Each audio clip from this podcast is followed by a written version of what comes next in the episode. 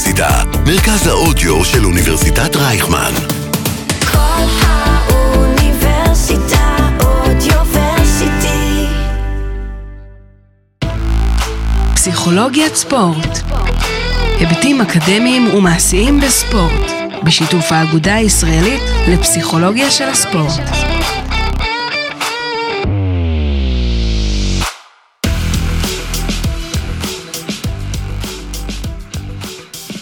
שלום לכולם, אתם על פסיכולוגיית ספורט, ואצלנו בפודקאסט מדברים על היבטים אקדמיים ומעשיים בפסיכולוגיה של הספורט. אני שושי שטמר, פסיכולוגית, בוגרת אוניברסיטת רייכמן וחברת האגודה, והיום יושב לצידי אורח מיוחד, פסיכולוג, קולגה וחבר, רועי אבלוצ'ניק. מה העניינים? בסדר גמור, מה שלומך? מעולה. יש לנו פה אורחים אה, מיוחדים. עידן הררי, מייסד המרכז הישראלי לקפוארה, עם מעל 100 מדריכים בארץ ושלוחות במדינות נוספות. מאמן קפוארה, קפואריסט בנשמה בכלל. בנוסף לקפוארה, פעיל מאוד במגוון אומניות לחימה ספורטיביות תחרותיות. רכז קורסי מדריכים לאומניות לחימה בווינגייט. בעל דרגת מאסטר בקפוארה וחגורה שחורה בקראטה. לידו יושב ערן ברט. היי ערן. התחיל את המסע כלוחם MMA תחרותי, המשיך בהדרכת יחידות מיוחדות בארץ ובחו"ל, והיום יש לו אקדמיה לאומניות לחימה שלו בתל אביב, שם הוא מכשיר לוחמי MMA, ג'יוג'יצו ברזילאי, אגרוף תאילנדי ועוד. נכון ערן? כן, בק- בקווי מכחול, במשיכות מכחול גסות. גסות. אתה יכול אה, לדייק אותה אם אתה רוצה. אני מתעסק בעיקר בג'ו-ג'יצו ברזילאי בתחום ההדרכה שלי והאינטגרציה של, אה, האינטגרציה של, אה, נקרא לזה אומנויות לחימה ספורטיביות לתוך המרחב הזה של ה-MMA. אז בזה עיקר ההתעסקות שלי היום. אה, והמחקר שלי הולך גם למקומות שבין תנועה ו- ועבודה פנימית, או לחימה ועבודה פנימית, כלומר כל המקום הזה של, לא יודע, בין מיינדפולנס לבין טיוב או עבודה על התודעה שלנו דרך הגוף. זה, זה חלק מהמחקר שלי היום, וכן, כל היחידות מיוחדות, בלה בלה, כל זה. אז זה עולם מרתק, העולם הפנימי. Mm, הע- העולם. הכל מתחיל שם. אה, כן, מתחיל, נגמר, עובר דרך, אפשר לדבר על זה הרבה. לגמרי. אנחנו יכולים לצלול באמת הרבה לתוך העולם הזה, אבל היום אנחנו רוצים לדבר על כל הנושא של אה, יצירתיות בספורט, ובמיוחד בענף אה, אומניות הלחימה, בענפי אומניות הלחימה. ואנחנו רוצים למקד את השיחה באומניות לחימה לא המסורתיות, אלא התחרותיות. כי יש אה, שיחה אה, שלמה בנושא של אומנויות לחימה אה, מסורתיות, או ב, בכל העולם הזה שהוא לא תחרותי, אל מול העולם התחרותי, שיש לו אפיונים אחרים. אז בעצם הענפים התחרותיים שאנחנו מדברים עליהם הם ג'ודו, נכון? קראטה, ג'ו-ג'יצו, טקוונדו, מה עוד נשאר לנו? אגרוף, אגרוף, אגרוף תאילנדי, היאבקות. כל, ה, כל הענפים האלה הם הענפים התחרותיים. חלק אולימפיים, חלק לא, אבל הם תחרותיים. אם, אם, אם את רוצה ללכת אחורה, אז בעצם הולכים, בוא, נל, בוא נלך כאילו הכי אחורה שאפשר, ואז יש את ההאבקות, שזה בעצם הבסיס, נקרא לזה האבא של אומנויות הלחימה. אפשר למצוא איזשהו אה, אה, נישה של קרבות ההאבקות בכל תרבות עתיקה לאורך ההיסטוריה, ועדיין אפשר למצוא במקומות שחיים עדיין קצת בעבר, כל, כל מיני טרג'יקיסטנים כאלה, ואפריקה עדיין, מונגוליה, כאילו בכל מדינה כזאת שהשורשים שלה עדיין בעבר, אפשר למצוא שורשים של היאבקות, אז זה כאילו, שעדיין אה, עוסקים בהם. שעדיין עוסקים באיזושהי צורה של היאבקות, היאבקות סנגלית, היאבקות מונגולית, היאבקות טורקית, היאבקות יוונית, רומית, נכון? זה הכל מהעבר, זה אחד. והאבא השני זה אגרוף, כאילו, שימוש בעצם בידיים, לא, לא, לא בגוף כדי להביא יריב לקרקע, אלא בידיים כדי לנהל קרב יותר סטרייקים. מתפרץ. striking, כן. ואז יש אגרוף הולנדי, אגרוף ספרדי, אגרוף מלאכים, אגרוף, אגרוף, אגרוף, אגרוף אמריקאי, ואלה האבא והאימא. וכל uh, משהו ש... ש... נולד כל, אחר כך, כן, זה איזשהו סוג של החלאה, או טיוב, או החלאה, או פיתוח של אחד מהשני. של אחד משני אלה. תקן אותי אם אני, אם זה... כן, אם אנחנו הולכים ליוון העתיקה, אז יש לך את ההיאבקות, יש לך את האגרוף ויש לך את הפנקסטיון, שזה השילוב של אה, בדיוק. של שניהם. שניהם. כן. מעניין. אז אוקיי, אז עכשיו אנחנו מבינים על מה אנחנו מדברים. אה, כי יצירתיות היא, אני לא יודעת אם להגיד תנאי הכרחי להצלחה בקרב, אבל אנחנו רוצים לראות איפה, איפה אנחנו משלמים מחיר על, על היצירתיות בעולם התחרותי. אז אם אנחנו רגע נתחיל מההתחלה, ונזכור את, ה, את עולם המחקר שמדבר על היצירתיות בספורט, בספורט תחרותי, יש הגדרה אה, שהגיעו אליה לאורך השנים, יש מאמר סקירה שאנחנו אולי אחר כך יכולים אה, לחבר אותו ב, בלינקים, שמדבר על כל המחקרים שנעשו בעולם של יצירתיות. וההגדרות שהגיעו אליהם מדברות על מה זה, מה זה פעולה יצירתית, היא צריכה להיות מקורית, היא צריכה להיות פרקטית, כי אחרת, אה, אם היא לא פרקטית, אז זה לא רלוונטי. אה, צריך להיות לה גורם הפתעה, וצריכה להיות חשיבה מסועפת, זאת אומרת, יכולת אה, למצוא כמה פתרונות לסיטואציה אחת מסוימת. אז זה כאילו איזושהי מסגרת ש, ש, שבה הגדירו בעולם המחקר, ושוב, הוא עדיין בחיתולים אפשר להגיד, עוד יש הרבה מה ל, להרחיב ולחקור, אבל זו ההגדרה שמצאו פחות או יותר עד היום בנושא הזה. איך אתם רואים את היצירתיות, קודם כל, איך יצירתיות אצלכם בענפים שאתם אה, חיים אותם ומכירים אותם ומאמנים בהם, איך היא נראית? איך זה נראה? יש... דבר ראשון, יש לי השגה קטנה על הנושא של, על ההגדרה של אה, מקוריות כחלק מיצירתיות. כי כל פעם שאני בוחן אה, ספורטאי שאומרים לי, תראה איזה יצירתי הוא. ואז אני אומר, אוקיי, בואו נבחן באיפה הוא יצירתי. ואז אומרים לי, תראה איזה מקורית התנועה הזאת שהוא הביא איתו. ואז אני מחפש את המקורות שלה. ואז אני רואה שהוא לא המציא למעשה שום דבר, אלא הוא פשוט עשה העברה. זאת אומרת, אה, אד- הספורטאי היצירתי זה ספורטאי שיש לו המון ידע, וכל ההמשך של ההגדרה, אני מאוד מתחבר. רק הטריקי זה הנושא של המקוריות. המקוריות היא לא משהו שהוא המציא בעצמו, שהוא יצר בעצמו. הוא למד ואסף, והוא היה לו את האינטליגנציה להתאים את הדברים ולעשות העברה ממקום אחד למקום שני. מה זה ממקום אחד למקום שני? זאת אומרת, אה, יכול להיות מענף. שאותו ג'ודאי שאת מאמנת, יש לו רקע בהיאבקות, והוא גילה איזו פרצה בחוקה, שמאפשר לו לקחת מהלך מתוך ההיאבקות, או מתוך הג'ו-ג'יצו, לא יודע מה, ולהעביר אותו, והיה לו את האינטליגנציה לשים אותו במקום הנכון, בצורה הנכונה. שהתקבל בספורט שלו, וכולם אומרים, וואו, איזה ספורטאי יצירתי. אבל כשאתה בוחן אותו באמת, אתה רואה שהוא פשוט אסף אותו ממקום למקום, זאת אומרת, ה- אז, אפשר, אז זה, אפשר לראות את זה בכל מיני, לאורך כל, באמת, במגוון רחב של תחומים.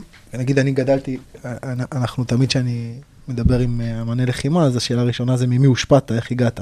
ואז כולם אומרים ברוסלי או ואנדאם, נכון? כזה. כן.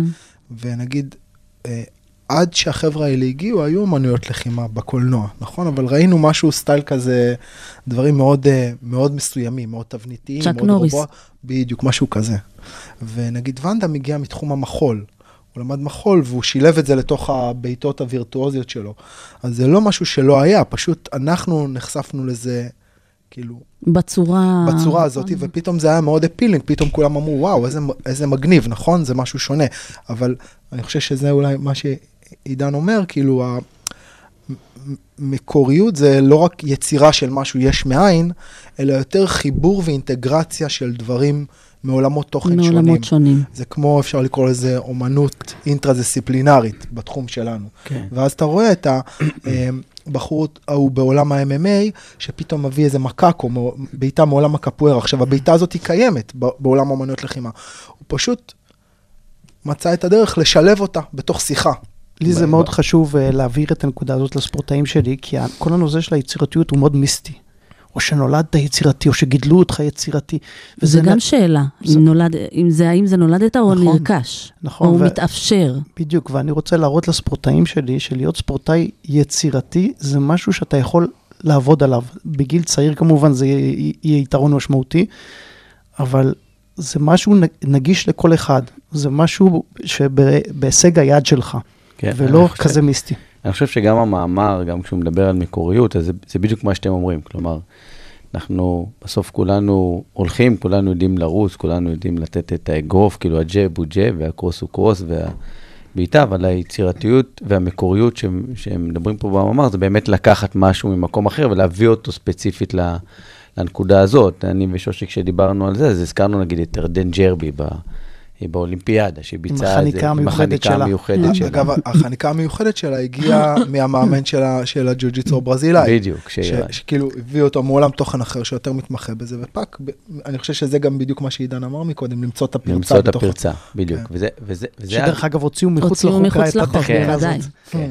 אבל אם מצאת פרצה שמבחינתנו... היפנים מוציא, כאילו כל מה שלא מסתדר עם ה- עם היפני. כל, כל מה שהיא צריכה להביא, היא צריכה להביא משהו משלה, שהוא מקורי, שהביאה אותו מישהו אחר, והמקוריות זה שהיא הביאה את זה נגיד פעם ראשונה, או עשתה את זה בצורה מצוינת. לפעמים גם חלק מהמקוריות זה שראית מישהו עושה משהו כזה, אבל נגיד אפילו לא הלך לו, שהלך לו, ואתה מצליח לוקח את זה. להלביש את זה אצלך בצורה שנראית יותר אני חושב. שאולי זה בעצם מעורר שאלה אחרת, של בעצם מה זה ספורטאי מקור, מקורי או יצירתי, שזה אחד, איך אני מפתח את זה כתכונה בתוך הספורטאי, לעומת טריקים ושטיקים, שזה כאילו משהו אחר. טריקים ושטיקים זה אומר, אני יכול לקחת משהו כזה שראיתי שזה עובד, ואני איכשהו עושה לזה, מטמיע את זה לתוך המשחק שלי. אבל עדיין זה קלף שאני שולף מהכובע, לעומת אנשים שאתה מסתכל עליהם בתחום העבודה שלך, והם לא דומים לשום דבר אחר שראית. זה גם שני טייפים אולי שאפשר של לדבר עליהם. יצירתיות. אבל מה זה, בוא, בוא, זה מעניין, מה זה הם לא דומים? אמ, אז אני, זה חוזר לשאלה איך זה נראה. כן, כן, אז, אז, אני, אז, אז אני חושב ש... אוקיי, כאילו, דיברנו עוד פעם על אבות טיפוס של אומנויות לחימה, ואז הרבה פעמים כשיש לך תחום שהוא תחרותי, בתופו, בסופו של דבר יש איזושהי התכנסות לאיזשהו סוג של אב טיפוס, או prototype שמתאים, נכון? רוב הכדורסלנים יהיו ארוכים, סיבי שריר מסוימים. כף יד, טה, אה, טה, טה, טה, טה. כל רצי המרתון, סביר, סביר בהקטנה, כן, שלא נראה רץ מרתון שנראה כמו לוחם סומו, נכון? מהמם. גם בתחום שלנו, בתחומי הלחימה, יש איזושהי התכנסות בסופו של דבר, כמו שכל חלוקי הנחל בתוך הנחל נראים פחות או יותר כמו חלוקי נחל. אחד יכול להיות גדול ושוקל עשרה קילו, ואחד אחד, אחד יכול להיות קטן ובקוטר של סנטימטר, אבל כולם נראים, מערכת הלחצים שמופעלת על ידי הנחל, בסופו של דבר מקבעת את כולם לאיזשהו prototype. אה, זה גם מה שקורה בענפי הלחימה השונים. כאילו, ככל שאתה מתקרב יותר לפירמידה, ה prototype נראה דומה. דומה. דומה. גם ברמה הפיזית, אנטומית, וגם ברמה הטכנית, ככל שאתה מתקרב לקצה, תסתכלו על החבר'ה באולימפיאדה, הם זזים, הג'ודאים באולימפיאדה, או הטייקוונדיסטים בא- באולימפיאדה, עולה טייקוונדיסט 100 קילו, סביר להניח שלא תראה אחד שנראה כמו לוחם סומו. למה? כי המטרה להרים רגל לראש. אתה תראה שם חבר'ה שנראים יותר כמו כדורסלנים מאשר כמו... ואז מדי פעם מגיע איזה מישהו ששובר את כל החוקים של מה שאמרתי עכשיו, ואפשר לקרוא לו ברבור שחור, אפשר לקרוא לו חד קרן, אפשר לקרוא לו חלוק נחל מרובע, לא משנה איך תקרא לזה. אבל הוא שובר משהו בסכמטיות, בחוקיות הזאת שאנחנו התרגלנו לראות. ככה נראה כדור, אה, אה, אה, חלוק נחל. והוא מביא משהו שונה, שקשה לנו למדוד בחוקיות שהצבנו לעצמנו למול המערכת לחצים הזאת שמופעלת על הספורטאים, לוחמים, מתחרים, ו- ומעצבת אותם. זאת אומרת, מעבר לאנטומיה, הוא גם מביא משהו בהתנהלות שלו.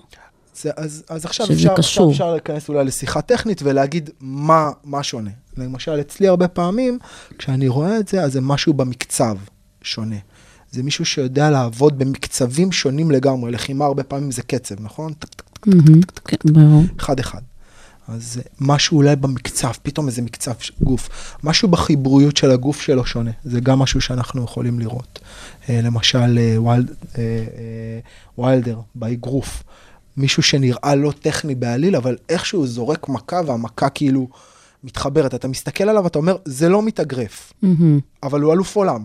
זאת אומרת, שגם אני ורועי דיברנו על העניין הזה, שיש כאן את העניין של הטכניקה, ודיברנו על זה שמאיזה גיל אתה אה, מדייק את הטכניקה לילדים שאתה מפתח אותם, או, מאפשר להם עדיין את המשחקיות. אתה דיברת גם כן פעם על העניין הזה, וגם אתה, הרבה, אה, אתם מדברים על איך לאפשר בגילאים הצעירים יותר ליצור, לגלות את המשחקיות, את היצירתיות, את החופש הזה. ואז באיזשהו שלב יש את ההתמחות, כמו שדיברנו, בגיל מסוים של לד- לדייק טכניקה. כן. אז באיזשהו שלב, כשאנחנו עובדים על הטכניקה, שם אה, כבר אנחנו במרכאות מוגבלים אה, כדי לבצע את הטכניקה בצורה המושלמת. ב- בסוף הדרך הזו, כשיש לנו את הפול טכניקות אה, המספיק, שם יכולה לבוא לידי ביטוי יצירתיות, מעבר לאותו בחור שהוא אנטומית ובמקצב נראה ומתנהג שונה, בתוך התבנית הזו, יש לנו מקום ל- ליצירתיות? אני חושב, הדבר ראשון זה, זה תמיד אה, יחסי גומלין בין התבניתיות, שזה הטכניקה, תבניתיות, לבין המשחקיות, שהמשחקיות יוצרת... אה, אימפרוביזציה. אה, המשחקיות יוצרת את היצירתיות. כאילו, יש בתוך המשחק, יש מקום ליצירה. מה קורה בתוך המשחק? האלמנטים הראשונים והמשמעותיים ביותר של המשחק זה אסטרטגיה וטקטיקה. ורק על זה מתלבשת הטכניקה. הטכניקה היא צורך להגשים, היא כלי. כלי להגשים את הטקטיקה ואת האסטרטגיה שבחרת. זאת אומרת, המשחק מתחיל מאסטרטגיה שבחרת וטקטיקה, ועל זה אתה מלביש. ואנחנו יודעים ש, שבשביל ליצור ספורטאי טוב, אתה צריך את האיזון בין שניהם. ו, ו, ובהחלט יש גיל נכון לכל אחד מהם. אנחנו יודעים שילדים יכולים לספוג אה, המון, אה, ולפתח אינטליגנציה מתוך המשחק. כל משחק מפתח אינטליגנציה מסוימת, אספקט מסוים באינטליגנציה של השחקן.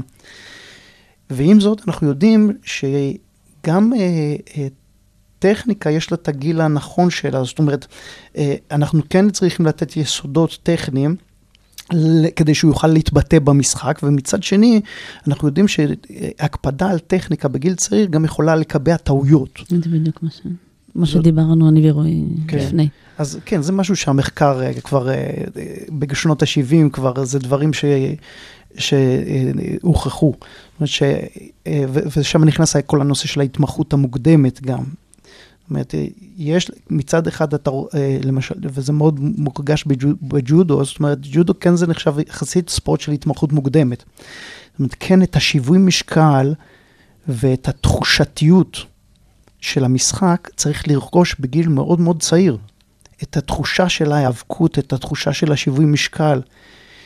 זה לא חייב להיות ברמה הטכנית גבוהה, אבל זה חייב להירכש בגיל מאוד מאוד צעיר. הרמה הטכנית יכולה להגיע בצורה מיטבית יותר לסביבות גיל ההתבגרות. שזה- הבע- הבעיה היא שמה שקורה זה שלפעמים אנחנו המאמנים לא כל כך יודעים איך לאמן את הפקטור הזה שהוא כאילו, שהוא קצת חמקמק, תחושה, תחושת גוף, תחושת שיווי משקל. כן. אז מה עושים? אתה משתמש בטכניקה כדי להעביר במרכאות, או כדי להקנות במרכאות, את אותו נעלם, את אותה תחושת יציבות, את אותה אה, גישה טקטית או גישה אסטרטגית לקרב, כי זה נוח יותר, או זה הכלים שיש לנו, חסרים לנו כלים, או כל מיני סיבות, כאילו אנחנו מגיעים מאיזה דוקטורינה סובייטית כזאת שיש קצת בתוך הזה, ואז אתה בא להעביר דרך הטכניקה את, ה, את הדברים הכאילו חשובים. אבל אתה מאבד משהו בדרך? בדיוק, אתה, מק- אתה מקדיש, אתה, אתה מאבד את, ה, את, ה, את הסקילס שלך, כאילו, את, ה, את, ה, את הסולם. אני- אני חושב שיש פה, מה- מדבר- אני חושב נגיד, שדיברת, התחלת לדבר על ילדים ותחושת גוף, אז אני כאילו מריץ בראש רגע את הילדים, ואיך באמת השלב ההתפתחותי שלהם.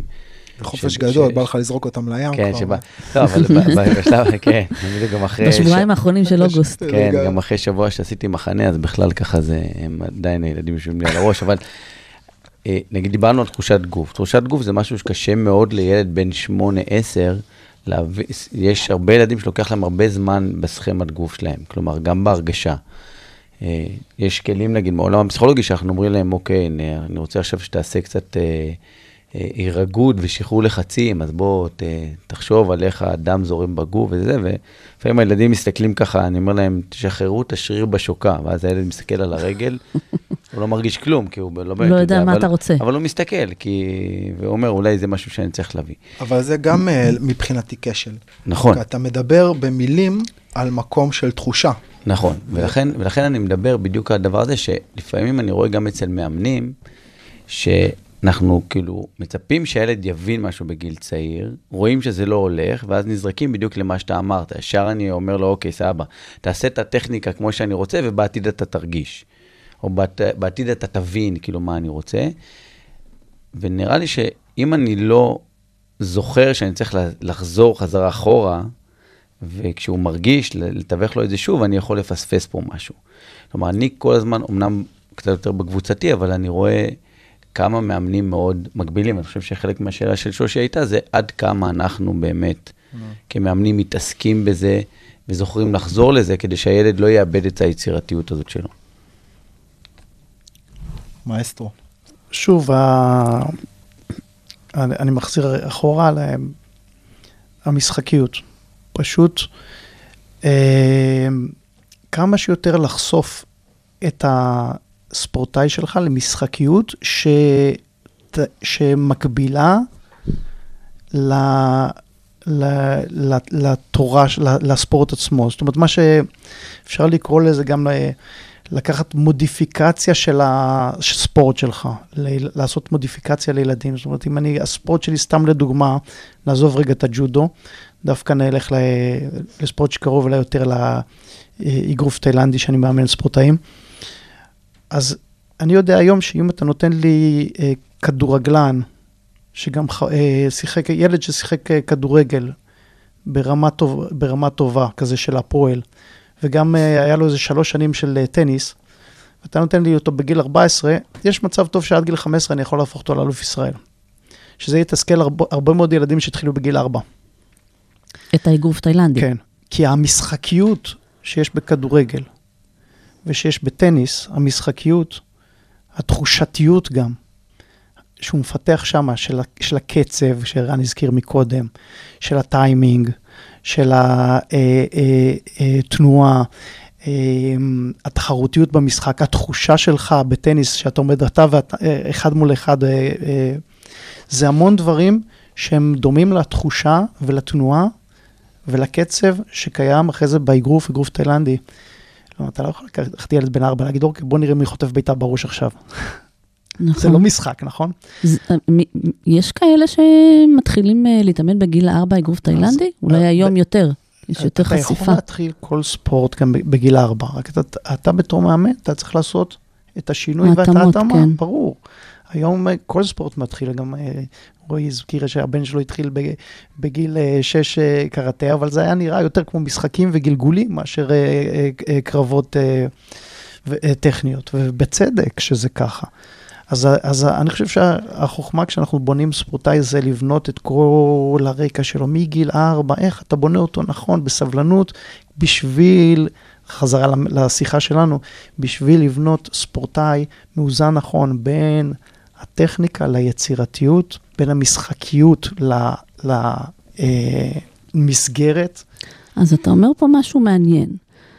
בעולם אה, אומנויות הלחימה, טוב יהיה אם אה, ילד יתחיל דווקא, או הוא ייחשף גם לענפי ספורט קבוצתיים, או שיש חשיפה יותר למשחקיות הזו שאתה, שאתה מדבר עליה, כדי לפתח את היצירתיות, או לשמר אותה, או לאפשר אותה. אז זה לא רק באומנויות לחימה, זה בכל ענפי הספורט. נכון, יש uh, המלצה כזו ל- uh, לחשוף uh, ילדים לכמה ענפי ספורט, ואחר כך להתמקצע באחד מהם, כי אז זה ייתן לך יתרונות uh, ומידע שקיים בכמה ענפים. אני מסתכל, אני, אני אחזור לשני, אני אנסה כאילו שני דברים בתוך הדבר הזה. אחד, אני הולך לכדורגל, נגיד מסי, כאילו שנחשב היום שחקן זה, הוא לא השחקן הכי פיזי, הכי מהיר, הכי חזק, הכי... אבל יש לו איזשהו סוג של, נכון, איזה ראיית משחק, אני אגב לא איש כדורגל, אין לי מושג, אבל אני מסתכל עליו, אני רואה, כי מסי הוא אתלט מהטובים ביותר ever. אבל שנייה, הוא, היום, נחשב הוא נחשב הכי יצירתי. אוקיי, זהו, לא. זהו. כאילו, כן, הם- אני- אני מס- דרך אגב, אני מסכים איתך שהוא לא... הם כולם, הם כולם, חזק. הם כולם מעולים, הם כולם אתלטי על על המגרש, אבל הוא לא מרגיש לי כמו מאלה שהם הכי פיזיים על המגרש בכל רגע נתון. מצד שני, הוא עושה דברים. אז, אז, אז, ואנחנו כמאמנים, עכשיו אני חוזר שנייה לג'ודו, אתה מקבל את הילד בגיל 4, ומה שקורה נגיד בסביבה שהיא מאוד מאוד תחרותית, גם אם אתה רוצה להיות יצירתי, אם קיבלת את הילד השנה הוא הגיע אליי, הוא בן 6, הוא הגיע לשיעור ג'ודו פעם ראשונה. ועוד חצי שנה יש לו תחרות ראשונה בג'ודו, ועליך כמאמן מופעל איזשהו לחץ, שיכול להיות לחץ סביבתי של הקולגות שלך, לחץ של ההתאחדות, לחץ שלך אישי, כי אתה רואה שהחברים שלך בליצור, לא יודע מה, מביאים, שולחים ילדים וחוזרים עם מדליות, לחץ של ההורים. אתה שולח את הילד, הוא יחזור בלי מדליה, הוא יפסיד. אז מה שאתה אומר זה לעצמך בראש, על מה אני יכול לוותר כדי שהוא יביא את המדליה, שהוא ינצח, שהוא יעמוד. ואז מה שאתה אומר זה, אני רוצה לתת לו כלי שהוא יכול לנצח איתו בתחרות. והכלי הזה, לנצח בתחרות, זה לא יצירתיות, וזה לא משחקיות, זה טכניקה. הוא צריך לדעת איך להטיל. ואז יש פה התחלה של התמקצעות מוקדמת מדי ברמה הטכנית, בגלל שיש פה איזשהו לחץ, לחץ של תחרותיות, לחץ של הישגיות. ואני חושב שזה הדבר שאולי הורס יצירתיות, הורס משחקיות, הישגיות. או, זאת הייתה השאלה הבאה, נכון רועי? כן, אני, אני חייב להגיד שזה גם מתחבר מאוד למה שעידן אבל רגע אמר, לפני שאנחנו קופצים מה, לשאלה. מה שאני אומר אגב, זה דברים שלמדתי מעידן. לא, כאילו. זה, זה, אני, אני, חושב, אני, אני חושב שזה בדיוק מה שקורה עם הספורטאי הזה שמגיע פתאום מהכדורגל, ואז הוא מגיע אליך לאומנות לחימה. כלומר, כאילו, אף אחד לא הכניס אותו לתבנית בשלב מאוד מאוד אה, מאוד מאוד צעיר, והוא מביא כל מיני דברים מעולם אחר. שהוא התפתח, לא משנה שהרסו לו את זה בכדורגל, את היצירתיות בכדורגל שלו, אבל הוא מביא דברים שהוא למד בכדורגל חלק מהמשחק, שאני דרך אגב מאוד מאמין בו, זה גם שיטה טיפולית מאוד מאוד, אה, מאוד מאוד חזקה לילדים, דווקא עולם המשחק, שאתה משחק איתם ונותן להם והם מוציאים את הדברים דרך עולם המשחק, ההשלכות שיש להם גם מעולם המשחק לעולם האמיתי. כלומר, הילדים כן מצליחים לעשות חיבורים. מהדברים שהם עשו לעולם המשחק, למה שאתה תרצה מהם עוד שנה, שנתיים. כלומר, זה משהו שנתפס להם גם ברמה הקוגניטיבית, ומפה נקפוץ לשאלה הבאה. לא, שלה. אז מ- מתחבר באמת לשאלה שרצינו גם כן לשאול, שיש את עולם ההישגיות, כי אנחנו מדברים על ספורט תחרותי, ואת עולם היצירתיות, והאם בהכרח הם אחד על חשבון השני, ולא אחד מאפשר את השני. זאת אומרת, אה, אם היינו עכשיו אה, לוחמי ג'ודו, ולא היה ה... לא היו תחרויות. היינו מגיעים רק לאימונים, לחדר כושר, שגרת אימונים רגילה, אין זה תחרויות. היה מוריד ביצירתיות בצורה משמעותית. אז זאת אומרת, זה לא שבהכרח... זאת אומרת, זה יש כאן מוכח. גם את זה- המקום זה- שהתחרויות מולידה יצירתיות. ודאי, ודאי. זאת אומרת, היצירתיות מתחילה- מתחילה מלייצר בעיה. לייצר בעיה ולייצר קונפליקט, שם, מתב... יוצא ל... שם מתבטאת היצירתיות. זאת אומרת, אנחנו רואים את זה באומנויות לחימה המסורתיות, שכבודם במקומם המונח, זה דרך חיים אמיתית, הרבה מעבר לתחרות בעיניי, אבל אין צורך ליצירתיות. זאת אומרת, הבן אדם יכול לבצע את אותה קאטה, את אותה מהלך כל החיים, זה יותר מדיטטיבי. ממש, דרך חיים, דרך חיים. תמצא את היצירתיות שלך בפנים, ולא לג- בחוץ. ממש, ממש כלומר, ככה. אה, בעולם הפנימי כן, שאנחנו חוזרים בתוך- אליו. בתוך הקאט אתה תמצא איך אה, לשפר ברבע מילימטר את הדבר שבו אתה עושה, כאילו, זה ב- זה, זה אולי לחפש יצירות. לשאוף... אה, כן, אני חושב לרמה שזה הבאה. חלק מהדברים, שמעתי פשוט את הפודקאסט של ערן עם נתן לוי, ואני חושב שזה אחד הדברים שהוא אמר, שזה מאוד היה חסר לו בעולם המסורתי. שהעניין הזה של באמת, של המגע והתחרותיות, ו- ו- והוא הרגיש שבאיזשהו מקום הוא גם, הוא לא מתפתח. להביא כלומר, את עצמך לידי להביא ביטוי עצמך לידי רחב, ביטוי, שלם כן. יותר. במידה מסוימת המונח מסורתי הוא כבר, Mm. עצם זה שאמרת מסורתי, זה... הוא קיבוע. במידה בדיוק. מסוימת. כן. עוד פעם, יש לו את היופי שלו. איפה, נחזור רגע לשאלה הראשונה, איפה אנחנו רואים בעולם שלנו את היצירתיות? היצירתיות, איפה אתה רואה אותה במיטבה? כשאתה מציב בעיה לספורטאי, והוא מסוגל למצוא את הפתרון שם בפנים, באמת לעשות העברה ממשהו שהוא, שהוא מקביל, משהו, וב, ולהיות מסוגל לעשות את זה בזמן אמת, למצוא את הפתרון. לפעמים הפתרון הוא, הוא, הוא פשוט מאוד, הוא לנגד העיניים, אבל אם אתה שקוע בטכניקה, או בתוצאה, בתוצאה אתה לא רואה את הכל. זה עוד, זה, זה כן, זה קצת מסבך עוד פעם מיהו הספורטאי ה- היצירתי ואיך אנחנו מביאים אותו לידי ביטוי, זאת אומרת שהוא, זה לא רק שיש לו הרבה מאוד כלים שהוא מסוגל להשתמש בהם, צריכה להיות לו את השלווה ואת הרוגע ואת היכולת ניתוח של הסיטואציה. הוא צריך להבין את הבעיה, לתרגם לעצמו את הבעיה. אם הוא לא מסוגל בזמן אמת להגיד, הבעיה היא זאת, אז איך הוא ימצא פתרון? זאת אומרת, צריכה להיות שם איזו שלווה מסוימת, באותו רגע, באמצע הכאוס של הקרב, הוא צריך להיות, צריכה להיות לו השלווה לזהות ולזקק Mm. את הבעיה. וכשאתה מזקק לעצמך את הבעיה, עולות לנגד עיניך אה, פתרונות. פתרונות עולים. אך זה, זה גם מזכיר לי משפט שאתה אמרת באחת ההזדמנויות, שאנחנו, צריך שיהיה איזון עדין בין השליטה לבין הפתיחות. אה, אתה אמרת שאנשים מחפשים שליטה בעולם כאוטי. וקרב הוא מצב מאוד כאוטי ודינמי ומשתנה, ויש לו, יש הרבה אופציות אה, שפתוחות בכל אה, רגע ורגע. ו... יש כאן את האיזון הזה שאנחנו צריכים... אה, אפשר לראות את זה הרבה פעמים בקרבות, אה, נגיד עם, עם, עם ספורטאים מאוד, לוחמים מאוד ממושמעים, עולים לקרב עם איזשהו גיימפלן, והגיימפלן לא צולח. אתה יודע, יש, יש הרבה דברים שאנחנו עושים על, על הסקאץ', כאילו, על, על שולחן השרטוטים, אתה משרטט איזושהי תוכנית מסוימת, מגיע לקרב, לא עובד שום דבר.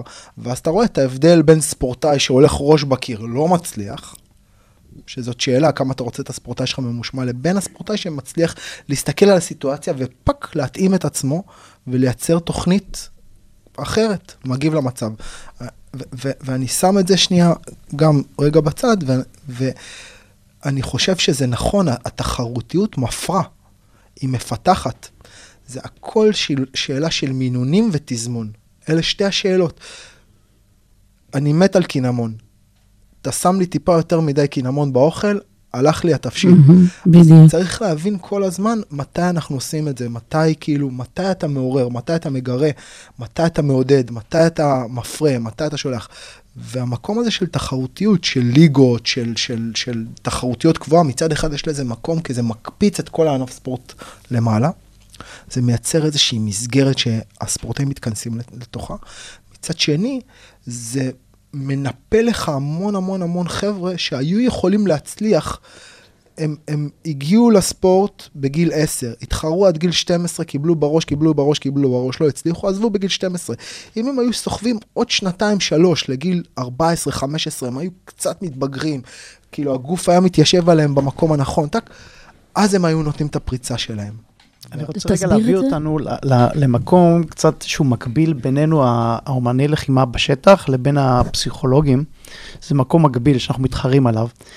זה המקום שבו אתה יושב עם החניך שלך, ואתה אה, דן איתו בבעיה שנוצרה, ומבקש ממנו למצוא. למצוא את, ה, את הפתרון, כי ש, זה אחת הנקודות שבה אני, אני רואה שהעבודה שלנו בתור מאמנים, פתאום אני אומר, רגע, שנייה, אני קצת פסיכולוג ספורט פה, אני אה, אולי לא מוסמך ולא הכי טוב, אבל אני עוסק במקום הזה שאני מבקש מהחניך שלי, שלפעמים אני יודע כמובן את הפתרון בעצמי, אבל אני רוצה שהוא יגיד ויאמר, אה, וזה... עוד פעם מחזיר אותנו אחורה לאיפה אנחנו רואים בשטח. לא, זה דווקא. לוקח אותנו קדימה, כי זאת השאלה באמת הבאה. פסיכולוגיית ספורט. היבטים אקדמיים ומעשיים בספורט, בשיתוף האגודה הישראלית לפסיכולוגיה של הספורט. כשאנחנו אה, כמאמנים, איך אנחנו קודם כל אה, מודעים לחשיבות הזו של אה, לשמר יצירתיות, לאפשר אותה לאורך השנים, ואיך אנחנו מעודדים אותה אחר כך, גם כשאנחנו בגילאים מאוחרים יותר, 15, 16, 17, שאנחנו מאוד אה, הישגיים, איך אנחנו מעודדים ומאפשרים את היצירתיות הזו. אה, בגילאים הצעירים אני מחזיר אותך עוד פעם למשחק. נכון. משחק, משחק, משחק, ולתת לילדים באופן אינטואיטיבי למצוא את הפתרונות. שזה לא טריוויאלי, אתה אומר, כי יכ- יכול להיות שיש מאמנים ששומעים עכשיו... אה, הם- אומרים טכניקה, טכניקה, טכניקה, כן. כן. אז אני אומר, אה, אה, משחק, משחק חופשי. אה, סתם לדוגמה, אה, בצורה הכי פשוטה, איך, איפה, איפה אנחנו מפתחים את הדברים האלה. אתה נותן לילד משחק, אה, לדוגמה, משחק אה, גג גגה, שחובטים בכדור וצריכים לפגוע אחד בשני. אתה רואה את כל הילדים רצים מצד לצד אחרי כדור, כדורים, תן להם שלוש או ארבע פעמים לשחק, תראה את כולם עומדים לאורך, לאורך, הקירות, צמודים עם הגב לקיר, כי הם הבינו את הטקטיקה של המשחק. חלק יבינו שכדי לחוות יותר טוב צריך להשתטח על הברך, חלק ילמדו אחד מהשני, חלק יבינו, זאת אומרת, הם ימצאו את היצירתיות בתוך האסטרטגיה והטקטיקה. אחרי זה, כשאתה לוקח את זה לרמה גבוהה יותר, זה, לימדת איזה מהלך טכני חדש, תן, וזה אנחנו אלופים בזה, לעשות את המשחק הספציפי. כמה שאתה לוקח את המשחק ומגביל אותו יותר, מצמצם את האופציות של התלמידים, מה הם צריכים להיות, יותר יצירתיים. זה הכל. זאת אומרת, אה, אה, כאשר אתה נותן לילדים הרבה טכניקות ותשחקו, הם יכולים להפתיע את אחד את השני רק בזכות הטכניקה. אבל כשאתה מצמצם את המשחק ואתה מאלץ אותו להשתמש בטכניקה אחת בלבד, הוא נאלץ להיות יצירתי. במה הוא יצירתי פה? הוא יצירתי בטקטיקה ואסטרטגיה. הוא לא יצירתי בתנועתיות, הוא יצירתי בטקטיקה ואסטרטגיה. זאת אומרת, היצירתיות יכולה להתבטא במגוון של דברים, יכול להיות בטריקים התנועתיים, באיזה מהלך תנועתי שפתאום הוא גילה איזה פרצה בחוקה או לא יודע מה, או שהוא אימץ, אימץ תנועה, מהלך טכני, טקטי, אה, אה, טכני מספורט אחר, או שבתוך האסטרטגיה והטקטיקה, ושם זה פשוט משחקיות. גם אחר כך, בגילאים המאוחרים יותר, הטקטיקה והאסטרטגיה תופסת את המקום אני חושב על ש... כדי ל... שזה. משהו שאמרתם לגבי התחרותיות וההישגיות, לגבי הגילאים הצעירים, ערן אמר את זה, וכשאני דיברתי איתך לפני, לפני שהתחלנו, דיברנו על זה שאפשר לעשות הרבה מאוד דברים שמדמים תחרות, אבל זה לא תחרות עצמה. כלומר, אם אני מסתכל על עצמי, כאילו עכשיו מזווית רגע של הפסיכולוג, אז אני אומר לעצמי, אם בגילאי 10-13 אנחנו מדברים על זה שאנחנו מתחילים לפתח כל מיני דברים שלנו, של אגו ואיד, ושיכולים להפריע לי, שפתאום כל הפסד יש לו משמעות, ואני כבר לא רוצה לחזור לתחרות הבאה, כי הפסדתי כבר פעמיים וחלאס, ואז המסוגלות העצמית שלי יורדת, והערכה העצמית שלי יורדת, אוטומטית אני מגיע לקרב כבר באיזה מקום קצת יותר נמוך. מעבר לזה שיש לנו את הלייט בלומר, שהם לדוגמה יכולים לפתוח פתאום בגיל 14-15, ובלשמר אותם, האם לא לפעמים צריך להילחם רגע במה שקורה בשטח בחוץ, ולעשות איזה משהו אה, פנימי שלנו, של לשלב משחק עם הישג, הישגיות תחרותיות, כלומר, אחד על אחד כזה, שאני חושב שהוא מאוד מאוד קריטי, גם, גם במקומות הקבוצתיים. אני דיברתי עם שושי לפני כן, יש המון מחקרים שמראים ששחקני רחוב הם הרבה יותר טובים משחקנים שהיו בתוך אה, קבוצות אה, זה, כי הם שם כל הזמן אילתרו. אתה יודע במי אתה צריך להילחם פה? בעיקר באגודות. האגודה יש לה אינטרס שהילדים ייכנסו לתוך המערך תחרויות, ואתה בתור המאמן, לצבור הישגים. לצבור הישגים, להראות עבודה, גם לצערי הרב, ה- ה- לצערנו, ה- הספורט כמו שהוא בנוי, הוא צריך להראות נפח גם עבודה. זה עניין של תקציבים, זה עניין שיש מאחורי הקלעים כל מיני דברים שמזיזים שם. גילוי מוקדם. כן, אנשים ששומעים את ההרצאות שלי בנושא של אימון ילדים, אומרים לי, רגע, אבל אני כפוף לאגודה. אני אומר לו, תשמע, תעשה את התחרות שלך. תעשה את ההתאמה של התחרות לגילאים, אבל אני כפוף לאגודה, ולאגודה יש אינטרסים שונים. לאגודה יש אינטרס שהילדים, אה, שיהיה אה, נפח בתחרויות, ומי מביא את הנפח? הגילאים הצעירים. אז, זה- זה, אז יש פה קצת מטחנת בשר. הילדים בגיל 4-5 מתחילים להתחרות, ו, אה, ו, ואנחנו קצת מאבדים אותם. במקום לפתח את הדברים שהיינו רוצים לפתח בגילאים האלה, אנחנו נאלצים להכניס אותם לתחרות שהיא לא מותאמת. זאת אומרת, אה, אה, היא מה שנקרא אותו דבר רק בקטן, וזה לא התאמה. כי לא אנחנו. אומרים ילדים זה לא נכון. אותו דבר כמו בוגרים, זה חיה אחרת. אם אנחנו לוקחים ילד אה, בן 4 ונותנים לו את אותה תחרות כמו שיש לילד בן אה, 14, רק ב- ב- בשתי דקות במקום חמש דקות, לא עשינו באמת התאמה.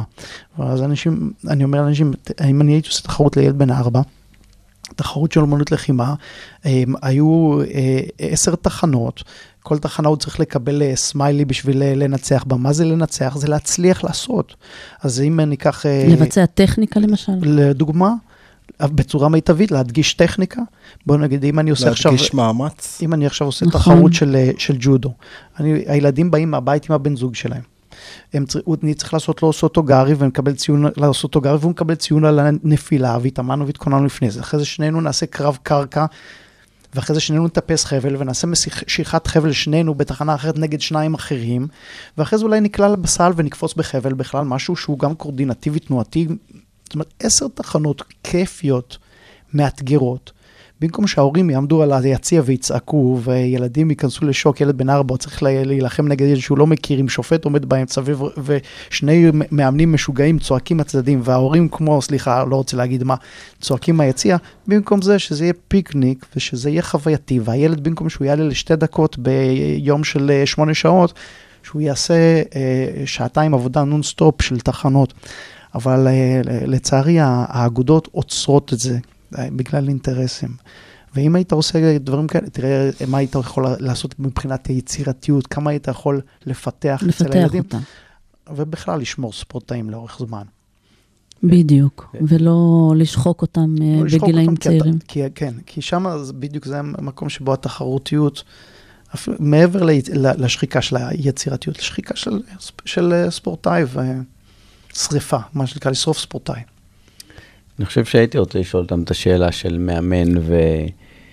אה, של מאמני בוגרים. אתם שניכם אה, מובילים גם ספורטאים לתחרויות אה, ברמה הגבוהה ביותר שיש, ומהעולמות שלנו לפעמים אנחנו מנסים לראות, לפעמים אני רואה את הניסיון של השליטה של המאמן בספורטאי. כלומר, עד כמה אתם מרגישים שאתם כן צריכים להתערב. כאילו, תמיד יש את המאבק הזה של מה שאני רואה מבחוץ, אולי הספורטאי לא רואה מבפנים, כי הוא עכשיו בתוך הקרב, והמיקוד שלו אולי מאוד מאוד צר, מכל מיני סיבות כאלה. ולפעמים אפילו לקחת סיכונים. כלומר, כשאנחנו מדברים בעולם של היצירתיות, אני חושב שהדבר הזה יכול מאוד למנוע יצירתיות. כלומר, עכשיו יש, דיברת על סכמה, נגיד, של קרב מסוים, סתם, איך שאמרת את זה, עלתה לי רונדה ראוזי, נגיד, ל, ל, נגד הולי הולמס שם, בזה, שממש ראית שכל הזמן ניסתה כל הזמן לחזור על הפלות, על הפלות, על הפלות, על הפלות, וכאילו, ואני זוכר שבחלק מהסרטונים, בפעמים האחרונות שראיתי, כל הזמן ניסיתי לשמוע מה המאמן שלה אומר. כלומר, האם הוא מנסה להגיד לה לשנות איזושהי טקטיקה, כלומר, או משהו כזה. אה, דרך אגב, באחד מהפסקי זמן בין השני, ממש לפני שהיא חטפה את הבומבה, אני ראיתי אותו, כאילו שמעתי אותו באיזה חצי מילה, הוא אומר לה כן לנסות להפיל אותה כשהיא נצמדת ל- לרשת. כלומר, הוא המשיך באותו טקטיקה ש- שהוא הביא. אה, ולמרות, והיא לא ענתה לו, למרות שהיה נראה לי שהיא הבינה מהר מאוד שזה לא, שהיא לא מצליחה. כלומר, ב, לפחות בשפת גוף, שאני מנתח מאוד בדיעבד, שאני מכיר את התוצאה, כן, אני מאוד נזהר בניתוחים האלה, אבל כאילו אני רואה בשפת גוף שהיא מאוד קצת הולכת אחורה, וגם החשש קצת בעיניים שהדבר הזה לא הולך. אז אני חוזר פעם לשאלה, עד איפה אנחנו נותנים לספורטאי להתפתח עם היצירתיות שלו, כשהיא יכולה להיות גם מסוכנת. כלומר, עכשיו לעשות איזשהו מהלך שהוא יצירתי, או להביא איזה משהו, אבל יכולה להיות לו בהפסד של הקרב. ב- בסיפ... כלומר, אם זה לא יצליח. אה, תראה, על, על רונדה ראוזי, אני חושב שזו הדוגמה, כאילו, בעצם, זה, זה, אתה לא יכול מספורטאי שלך לגלות יצירתיות אם לא, אם הוא לא יצירתי, כאילו, כן. אם, אם, זה, אם זאת זברה, זאת זברה, כאילו, כן. היא לא יכולה להיות ג'ירפה, כאילו, אתה יכול לצעק לה, תהיי ג'ירפה, זה, נכון, זה, זה בדיוק הקטע, אז נגיד רונדה, רונדה ראוזי היא דוגמה לזה, כאילו, it's, it's a one trick pony. אגב, היא ג'ודאית, נכון? זה נכון, כאילו כן. ה-to go שלה, ללכת, קלינץ', פעם, הטלה, בום, ארמבר, כאילו, אה, לא היה שם איזה משהו אחר, אז, אז, וזה בדיוק הבעיה עם ה-one trick pony, כאילו, אם, אם יש לך דבר אחד לעשות, אתה עושה אותו מעולה, אבל יש לך רק את הדבר האחר, נכון? זה מה שברוסלי אמר, אני מפחד מהאדם שעשה את אותו אגרוף עשרת אלפים פעם, אבל ניטרלת את האגרוף הזה, אין לך כלום. לך כלום. אז, אה, ואז זה בדיוק הדבר, אוקיי, כאילו, אני, אני חושב שזה גם קשור לסגנון של המאמן, כאילו, אני, אני חושב שאני ועידן אולי דומים במקום הזה, כאילו, יש, יש איזה חופש שאנחנו נותנים למתאמנים שלנו, גם מתוך הבנה אולי פילוסופית שזאת הדרך שלהם, והם עושים איזשהו דרך בחיים, והם מגלים וזה. אמ, ואז אתה מכין את הספורטאי למקום כזה, אז ברור שיש שם גם מקום שיש איזשהו קנס שיכול לחכות. כאילו, אתה יכול לנסות לעשות דברים, וייתכן שהדברים לא ילכו. ואז השאלה איך אתה מתמודד עם זה כמאמן, ואיך הספורטאי שלך מתאמן עם זה. כאילו, עוד פעם, שני מרכיבי אופי. אם אתה מעודד יצירתיות, אם אתה מעודד לנסות, אם אתה מעודד, אז אתה צריך גם להיות מוכן לזה שייתכן שבמקרים מסוימים אתה לא תשיג את המטרה שלך, ואז התגובה שלך צריכה להיות הולמת לסיטואציה. כל הכבוד על זה שניסית, כל הכבוד על זה שהתאמצת, כל הכבוד על זה שהקשבת, כל הכבוד על זה ששמעת, כל הכבוד על זה שניסית ליישם. כאילו, כל, המון המון המון כל הכבוד, ועכשיו בוא נבדוק מה לא עבד. אה, למול, תעשה את המהלך המיוחד שעבד, שעשינו, לא הלך. אך, איזה ספורטאי, איזה לוחם בררה, כאילו כל פעם זה קורה לו. אה, נראה לי שזה... אז, כאילו. אז זאת אומרת, אבל גם במקום הזה שאתה כן מעודד את היצירתיות ומוצא את עצמך מעודד אותו על הדרך, שזה אחד הדברים החשובים ששניכם אה, דוגלים בהם, בסוף אתה חושב שזה משתלם בטווח האר- הארוך? מהניסיון אה, שלכם, כוונה. אז אני- אני חושב שזה משתלם בלייצר אה, לוחמים שהם א', adjustable, כאילו הם מתאימים את עצמם. הם יותר, אה, יש להם איזושהי פלטפורמה אה, יותר רחבה. אני מבחינת חוזר- טכניקה? אני- אני מה זה חוזר עוד פעם- פלטפורמה? אני חוזר, חוזר עוד פעם למה שאמרנו בהתחלה, כאילו, אה, אני, מה התפקיד שלי כמאמן אומנויות לחימה? אני לא מכין ספורטאי לחימה רק לנצח בתחרויות. אני בתפיסה שלי מכין אותם לחיים. אה, זה מתקשר למה שדיברנו על איזושהי עבודה פנימית. כאילו. הדרך היא המטרה. אה, ופה אני חושב שבדבר כזה יש גם איזשהו מתח בין תעשה את אותה תנועה עשרת אלפים פעם, אבל זה משעמם לי. אתה צריך לעשות את זה, יש לך דרך לעבור. לבין בוא נפתח אותך, בוא נכין אותך, בוא נאפשר לך להיות מוכן לזה שהחיים מטבעם הם שינוי, הם השתנות. אתה תגיע בסוף לקרב הזה שאתה תקבל את הבומבה ואתה תצטרך. תאבד את האוריינטציה, ועכשיו אתה תצטרך לשלוף משאבים פנימיים, מנטליים, רגשיים, טכניים, פיזיים, שלא היו לך, וזה המקומות שאנחנו רואים את, ה, את, ה, את, ה, את המודלים האלה, נכון? את הלוחמים האלה שמעוררים בנו השראה. השראה, זה. יכול להיות מייקל ג'ורדון, נכון?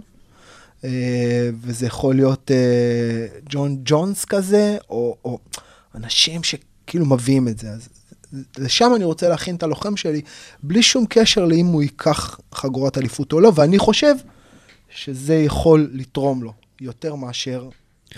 וסטטיסטית אבל יכול להיות, זה צריך לבדוק באמת, ש, שכן אותם אה, אה, לוחמים שאתם אה, מכינים אותם ואתם משמרים את היצירתיות הזו, ובדרך כן יש את המחירים ואת ההפסדים, הם יכולים אחר כך להיות אלה שמביאים הישגים, כי בסוף אנחנו מדברים על ספורט תחרותי. בסוף אנחנו, אה, הדרך היא כן המטרה, ויש כאן כלים לחיים, ויש כאן עולם פנימי שהוא מאוד מאוד חשוב. אבל בספורט תחרותי אנחנו נמדדים בתוצאה. אז אם אנחנו לוקחים את היצירתיות וכן אה, אה, משמרים אותה ועובדים איתה ומאפשרים אותה, האם סטטיסטית היא תביא בסוף, בטווח הארוך לה- להישגים? כי אנחנו בונים ספורטאים לאורך שנים. בהחלט, אה, שוב, אני, אני חוזר ל, לדוגמה של אה, רונדה רוזי, זה ספורט שונה מאוד מהג'ודו, היא באה מהעולם של הג'ודו, שהוא אספקט נהדר ב- ב- בעולם של ה-MMA, אבל אה, אה, עדיין צר מאוד בפני עצמו, אם זה רק הוא, זה צר מאוד, ורנה הגדיר את זה יפה, ברגע שסגרו לה את, ה, את הנקודה שהיא הכי חזקה בה, לא היה לה יותר כלום לתת. זה היה ממש עצוב לראות שהיא נאחזה ב, הכי חזק שהיא יכולה ב game plan שלה, שהיה מאוד מאוד מוגבל, ולא היה לה, לא היה לה את, ה, את התשובה לשאלה, זהו, לא היה, היה, היה מולה חד- חידה, ולא היו לה כלים בלבד. נוספים, כן. יש את ו- המשפט הזה שאומר שהחופש היצירה מתחיל אחרי שאתה שולט בהרבה טכניקה. יש לך הרבה כלים, כשיש לך אותם ואתה שולט בהם ועשית אותם, כמו שרן אומר, עשרת אלפים פעם, שם מתחילה היצירה. שם זה- אתה חופשי. זה, זה בדיוק מה שאני גם אמרתי בהתחלה, זה הכל מתחיל מלאסוף, אותם אנשים שאנחנו קוראים להם יצירתיים, זה אנשים שאספו המון המון ידע בתחומים שונים ומסוגלים לעשות את ההעברה, ומסוגלים לעשות את ההעברה ברגע האמת. אז אז, אה, אז גם שם יש הנושא הזה של, של רגע האמת. כשאתה מדבר, אני, אני רק אגיד עוד פעם משהו על הדבר הזה. זה לא, אני חושב שלא צריכה להיות ההבחנה בין יצירתיות לטכניקה. הם תומכים אחד בשני. זה, יצירתיות זה משהו שמתווסף. זה כמו שאתה מסתכל על אמנים של ציור מודרני, כאילו אימפרסיוניסטי, הם ידעו את הציור הקלאסי על בוריו. זה לא אנשים שקמו יום אחד והתחילו, החליטו. לצייר מרובעים. תבקש ממנו עכשיו לצייר כאילו ציור דיוקן. ריאליסטי, דיוקן, כן. הוא יביא לך את הדיוקן שהעין האדיוטה לא תדע להבדיל בינו לבין אמן דיוקן, אבל הוא לקח את הכלים הטכניים והצליח להשליך אותם לתוך מרחב אחר שנותן פרשנות שלו. שלו. וזה אני חושב מה שאנחנו מחפשים בלוחם. אתה לא יכול שלוחם יעלה לאיזושהי פלטפורמה תחרותית ברמה גבוהה, בלי שהטכניקה שלו היא ללא, ללא רבב. ללא היא רבב, פרפקט. אז זה לא יכול להיות, זה תנאי בסיס. אבל אם אתה מגיע לטכניקה ללא רבב בשלב מוקדם יותר, זה בא על חשבון משהו. או, אז כאן, כאן זאת- צריך להיות זאת ה-. ה- האיזון הנכון של... אה, בדיוק, ואז אנחנו מגיעים לתבשיל. יש פה איזון נכון של מרכיבים. ואני חושב שאולי זאת האומנות. בוא נפרוט רגע, כן. בוא נפרוט את התבשיל. כן, זהו, זה גם כאילו תלו, אז- תלוי גיל. אם אנחנו מסכמים את הדברים שפחות או יותר אמרנו, אז, אז זה ד- מתחיל בגילאים הצעירים לפ... המון המון משחקיות. דבר ראשון, לפתח אינטליגנציה של המשחק, החשיבה העצמאית הזאת, היצירתית שאנחנו קוראים לה. חשיבה מופשטת נקודתית, כאילו אסטרטגית, שניתן כאילו לקחת את החשיבה האסטרטגית כמו משקפיים, ולהשתמש ולשים את זה על בסיטואציה. כל מיני סיטואציות. כמובן נכנס שם, ספורטאי זה כמובן את ההכנה הגופנית, ההכנה הגופנית צריכה להיות רחבה ככל האפשר בגילאים הצעירים, אה, ולאט לאט להתמקד, ו, ובגילאים הצעירים לתת רק טכניקות יסוד, ואת הטכניקות יסוד גם כן להכניס אותם לתוך המשחקים, כדי לפתח את היצירתיות היותר ספציפית שאתה צריך לענף שלך, אבל על הטכניקות שאתה, כן. ואז אם... עם הזמן אתה רוצה להרחיב את הטכניקות, אבל בגילאים הצעירים גם להרחיב ממש. זאת אומרת, עוד פעם, אם אני ג'ודאי, אין מניע לקח, שהתלמיד שלי ילמד מג'ו-ג'יצו ושילמד מ- אה. כמה שאני ארחיב לו יותר, זה יאפשר לו יותר אחרי זה לה- להכניס משהו בתוך המשחק שלו, לבצע שהוא העברות, כמו מקורי. שאתה מדבר בדיוק, עליהן. שהוא יהיה מקורי, כמו שאמרת בהגדרה, להיות מקורי. המקורי הוא, הוא לא משהו שאתה המצאת, זה משהו שאספת. אז גם בגילאים הצעירים, שאתה עוד לא חייב לעשות בג'ודו אלף אוצ'ימטה, תאסוף את זה בגיל הצעיר. ואז, את- אה, אה, אה, ללא ספק, בגיל ההתבגרות, אתה חייב את, ה, את היסודות של הענף שלך לשלוט ברמה הגבוהה ביותר, כי אין פה, אין קסמים, כמו שאמר ערן. בגיל 14-15 זה כבר מתחיל להתהוות, 15, 16 אפשר להגיד שזה כבר, יפה, אז בגיל, ההת- זה גיל נחשב 14-15 נחשב גיל ההתמחות. גיל ההתמחות הוא חייב לעשות, אה, אם הוא ג'ודאי, אז הוא חייב לעשות 90% מהזמן ג'ודו. ג'ודו. אבל אם הוא עשה לפני זה אה, 50% מהזמן אה, אקרובטיקה וג'ו-ג'יצו והיאבקות וקפוארה, ו- אז זה ייתן לו את מה שלאחרים אין. אין. אני חושב, יש לי שאלה, אבל כאילו, התחלנו לדבר על, על יצירתיות, ולפעמים יש ספורטאים שהם, או אומני לחימה שהם יצירתיים, אולי, עוד פעם, לא בעין מקצועית, אבל נגיד קונר מגרגור כזה, נראה לי, זה אחד שהביא איזושהי יצירתיות, ופתאום זה נגמר. כאילו, פתאום אתה מרגיש שנגמרת לו היצירתיות.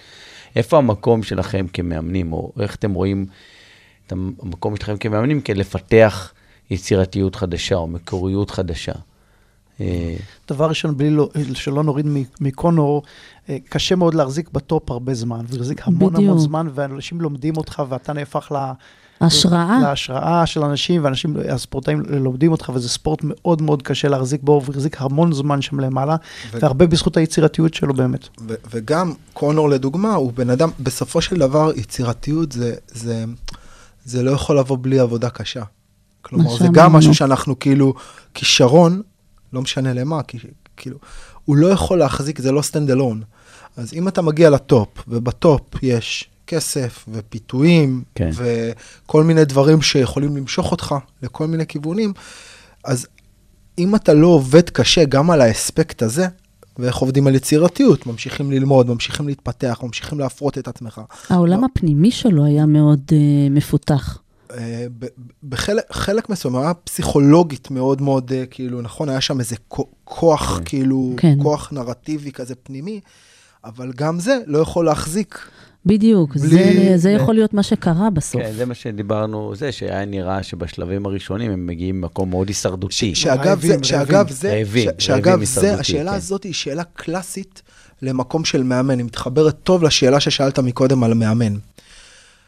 קונור, הוא היה תופעה שהוא הביא את עצמו, אבל המאמן שלו ליווה אותו בדרך, ומנקודה מסוימת, כשקונור הפך להיות כוכב מאוד מאוד גדול, נחשף לכל העולם הזה, היה כאילו מנוע, מכונה של כסף. הכוח של המאמן שלו, ככוח מאזן, שומר, מנתב, ירד. היריב שלו, חביב, שהוא זה שבסוף... שהוא זה אה, ששבר אותו שבר מנטלית, אותו. אה, פיזית ומנטלית, המאמן של חביב, שהוא אבא שלו במקרה, הוא מאמן שכל הזמן היה שם הדוק על הדברים. אין ימינה ושמאלה. אבל דווקא חביב לא אה, החזיק הרבה שנים שם. החזיק מלא שנים, בלי הפסד, נשאר בטופ, אה, נשאר בטופ, פרש בלי הפסד, ניצח את כל מי שהיה בדיוויזיה, כל מי שאמרו שהוא יכול לסכן אותו, הוא כן, פרש ניצח, בשיא. פרש בשיא בלי הפסד. זה אגב, על כן. לדעת, כאילו גם זה. וזה, אה, אם, אם אמרת מקודם על מה התפקיד של המאמן שם ביצירתיות וזה, זה בדיוק התפקיד לטעמי של המאמן. המאזן, כן, המקום המאזן. כן, כן, הלוחם במקום הזה הוא כמו איזה משהו שהוא קצת דינמי, הוא זז, הוא רוטט, הוא, הוא מתפזר, יש לו איזה כוח. והכוח הזה, מצד אחד, אם אתה כמאמן. יודע כאילו לתעל אותו, אז הוא יכול לפרוץ, ואם הוא מתפזר, ואם הוא לא... מתפזר ונשבר. וזה בדיוק המפגש הזה בין מישהו שהוא יצירתי, עם אנרגיה, עם ליבידו, עם נרטיב פנימי כזה, שלא היו לו כוחות מאזנים מסביבו, או כוחות מתעלים, למול אותו כוח, בדיוק מהצד השני, שהוא מצד אחד one trick pony, נכון? כי הוא כאילו, חביב הוא מין מתאב- מתאבק כזה, כאילו עם גיימפלן מאוד מאוד ברור לכולם. כולם ידעו מה קונור רוצה לעשות בקרב, כולם ידעו מה, מה חביב רוצה לעשות בקרב. חביב הצליח לעשות את מה שהוא רצה לעשות, וקונור לא הצליח לעשות את מה שהוא רצה לעשות. למה? כי היה שם גורם מאזן, גורם מתעל, ובסופו של דבר זה hard work וכאילו, ו- ומשמעת דיסציפלין. ו- ו- ובאמת, אה, גם בעבודה שלנו עם ספורטאים, אחד הדברים הקריטיים להצלחה של ספורטאי לאורך זמן, ובמיוחד בגילאים הבוגרים שהטכניקות והעבודה הקשה והתחרות וההישגיות וההתמודדות עם הנושאים האלה, המעטפת היא כל כך קריטית להצלחה שלהם וללונג'ביטי של הקריירה שלהם. אה, אז זה משלים ככה את מה שאתה אומר, המעטפת, ו- ו- ועל הספורטאי להבין איך לתפעל את המעטפת הזו. זה עליו. כבר בגילאים אה, כמו 14-15, אה, הוא צריך לדעת איך אה, אה, לרקום את מערכת היחסים עם ההורים, עם המאמן, עם אה, הקולגות שלו, לטובת הקריירה הזו, ולאפשר את המעטפת הזו ש, שתתמוך בו. ובמיוחד בגילאים שבהצלחה של קונור, שהוא אה, ספורטאי, ספורטאי בוגר, שצריך היה לדעת לנהל את המעטפת הזו. לגמרי, ולהבין שגם אם אתה הקברניט של הספינה, אתה עדיין צריך לשמוע על הנווט שלך. שזה הנווט- המאמן. כן, כן. נכון. הנווט יכול להיות המאמן, הנווט יכול להיות הפסיכולוג, הנווט יכול להיות ה... כאילו, אתה באמניות צריך... לחימה יש נווט אה, אחד, אני חושבת, תתקנו אותי אם אני יודעת שזה המאמן. המערכת היחסים, הסינרגיה הזו שבין מאמן לספורטאי, היא מאוד ייחודית באמניות לחימה. חלק מהם זה גם תוך כדי קרב, כשמאמן אה, עובד יחד עם הספורטאי. אני חושב שזה קצת שונה בתחום של ה-MMA והג'ודו. דבר ראשון, הג'ודו, הספורט, אה, בדרך כלל המאמן מלווה אותו מגיל מאוד מאוד צעיר, וב-MMA הוא מקבל אותו כבר בגיל מבוגר יותר, מקבל אותו ל- עם כבר עם, עם התכנים שהוא מביא איתו, ולא התכנים בהכרח שהמאמן יצר איתו. לא בהכרח, עוד פעם, יש כמ- כמובן יוצאי דופן. והוא מגיע, הספורטאי מגיע מאוד מבושל לתחום, לתחום המקצועני. לתחום המקצועני מגיע מאוד מאוד מבושל, עם, עם הגיימפלן שהוא כבר אה, בנה לעצמו לאורך שנים, ופה זה באמת חוכמה. אה, דבר ראשון, אה, מאתגר יותר. אופי קלאסי של, אה, של אה, באמת של אה, קונור, ש, שהוא יד- יודע, והוא באמת בן אדם יודע, הוא אינטליגנטי בצורה יוצאת דופן. הוא באמת יודע, הוא גאון. זאת אומרת, הוא, הוא, הוא לא סתם, הוא יצירתי, הוא גאון, הוא הגיע למה שהוא הגיע הרבה בזכות עצמו והדרך שלו. כמובן המאמנים טובים בדרך, שליוו אותו גם הרבה זמן. ועוד פעם, הצד, הדוגמה, הצד השני זה קביבי, שאותו מאמן לאורך המון המון שנים. מה יותר טוב, אנחנו לא יודעים. אנחנו לא יודעים. זה ש- שקונור יכול היה להביא, ואני בטוח שהוא גם הגיע עם המון יצירתיות ל- ל- ל- למשחק שלו עם, אה, עם קביב. אני בטוח שהוא הכין המון דברים וזה לא עבד לו. זה יפה שאתה קורא לזה משחק, שמת לב, כן, זה ולא הכל- קרב. זה הכל משחק בסופו של דבר. בדיוק. זה הכל משחק. אז אני בטוח שהוא הביא איתו המון דברים ש, שפשוט לא צלחו, ויש לו, אה, יש לך בתחום הזה של המקצוענים, של הספורט המקצועני, של ה-MMA, אה, אה, המון דוגמאות כמו קונר של ספורטאים שהם מגיעים ומגיעים ומחליפים מאמן ומחליפים אה, אה, אה, אה, חוות אה, לוחמים אחת לאחרת ומביאים איתם אה, המון מעצמם. ויש שם יחסי גומלין ואפילו משא מתן כל הזמן בין המאמנים לספורטאים. זה מאוד מעניין, תהליך בפני עצמו שמאוד מעניין. כן, מאתגר. כן. כמו שאתה אומר, זה לא כמו בג'ודו, שאתה מאמן מגיל צעיר, ואז אתה יש צריך... לך מאמן נבחרת שמלווה אותך מגיל נוער, והוא הוא עומד לך בפינה שלך אה, לאורך שנים, נכון? שונה. שונה. זה, זה הבדל בין ספורט מקצועני לספורט אה, אולימפי חובבני. כלומר, זה, זה, אחד, ה, זה, זה אחד ההבדלים. אה, בספורט נבחרות, כאילו אין לך בחירה כספורטאי, מי המאמן שלך, בוחרים את זה בשבילך.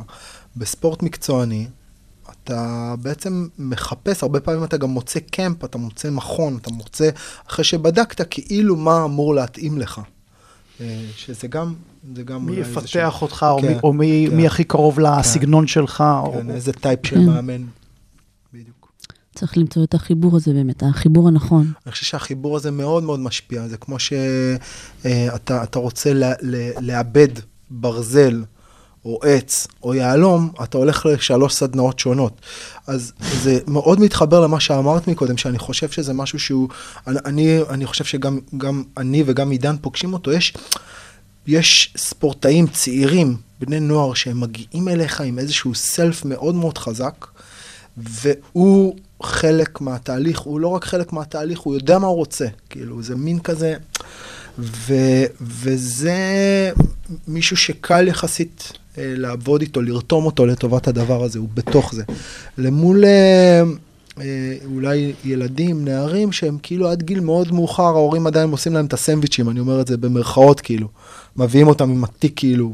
אה, אה, ויש יש פה איזשהו סוג של, של, של הבדל, ואז נער כזה, כאילו, יש לו איזו אחריות, הוא יוצא לעולם, אתה אולי כמאמן עוזר לו לבחור את המקום שיתאים לעשות את, ה, את ההשלמה שלו, את, ה, את העבודה המקצועית איתו בשלבים יותר מאוחרים, אבל הוא זה שבוחר לעצמו מה מתאים לו. המודעות הזאת לעצמי, לצרכים שלי, לרצונות שלי, מאוד, זה משהו שחשוב לפתח. ניהול עצמי, כן. אה, אני רוצה רגע ל- לחזור, נקודה כמעט אחרונה, למה שדיברתם קודם, הרגע הזה, בתוך הקרב, שבו הספורטאי או הספורטאית אה, מייצרים איזושהי פעולה מקורית, כמו שאתה אומר, או עושים איזושהי העברה, כמו שירדן ג'רבי עשתה וזכתה בזכות זה.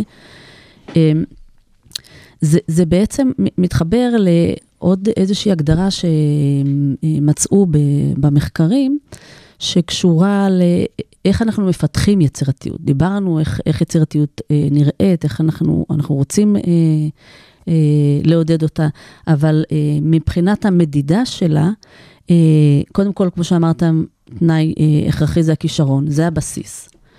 אה, אחר כך יש לנו אה, את היכולת אה, למיקוד קשב. לא הייתי אומר אפילו כישרון, הייתי אומר פיתוח הנטייה, פיתוח, פיתוח היכולת. הטכניקה, פיתוח המיומנות. נקרא, המיומנות. פיתוח יותר- המיומנות היצירתית, כאילו, אולי זה ה... זה התנאי, התנאי הראשון, זה, זה המיומנות. כן.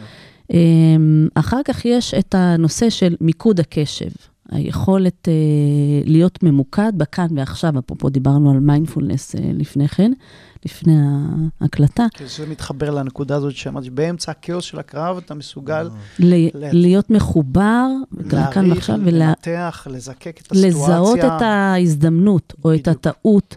ושם אה, כן. לבטא את, ה, את היצירתיות, לבצע את הפעולה שהיא הכי כן. מתאימה באותה, באותו רגע. אה, אה, הזיהוי תבנית הזה, זה, זה המושג שמגיע מעולם המחקר. אז אה, זה גם איזושהי מיומנות, כמו שאנחנו אה, מדברים כאן, מחפשים איך להגיע למיומנות הגבוהה הזו, זה אחת, אחד מה, אחת מהמיומנויות הקריטיות בעולם אומנויות הלחימה, היכולת להיות מחוברים לכאן ועכשיו.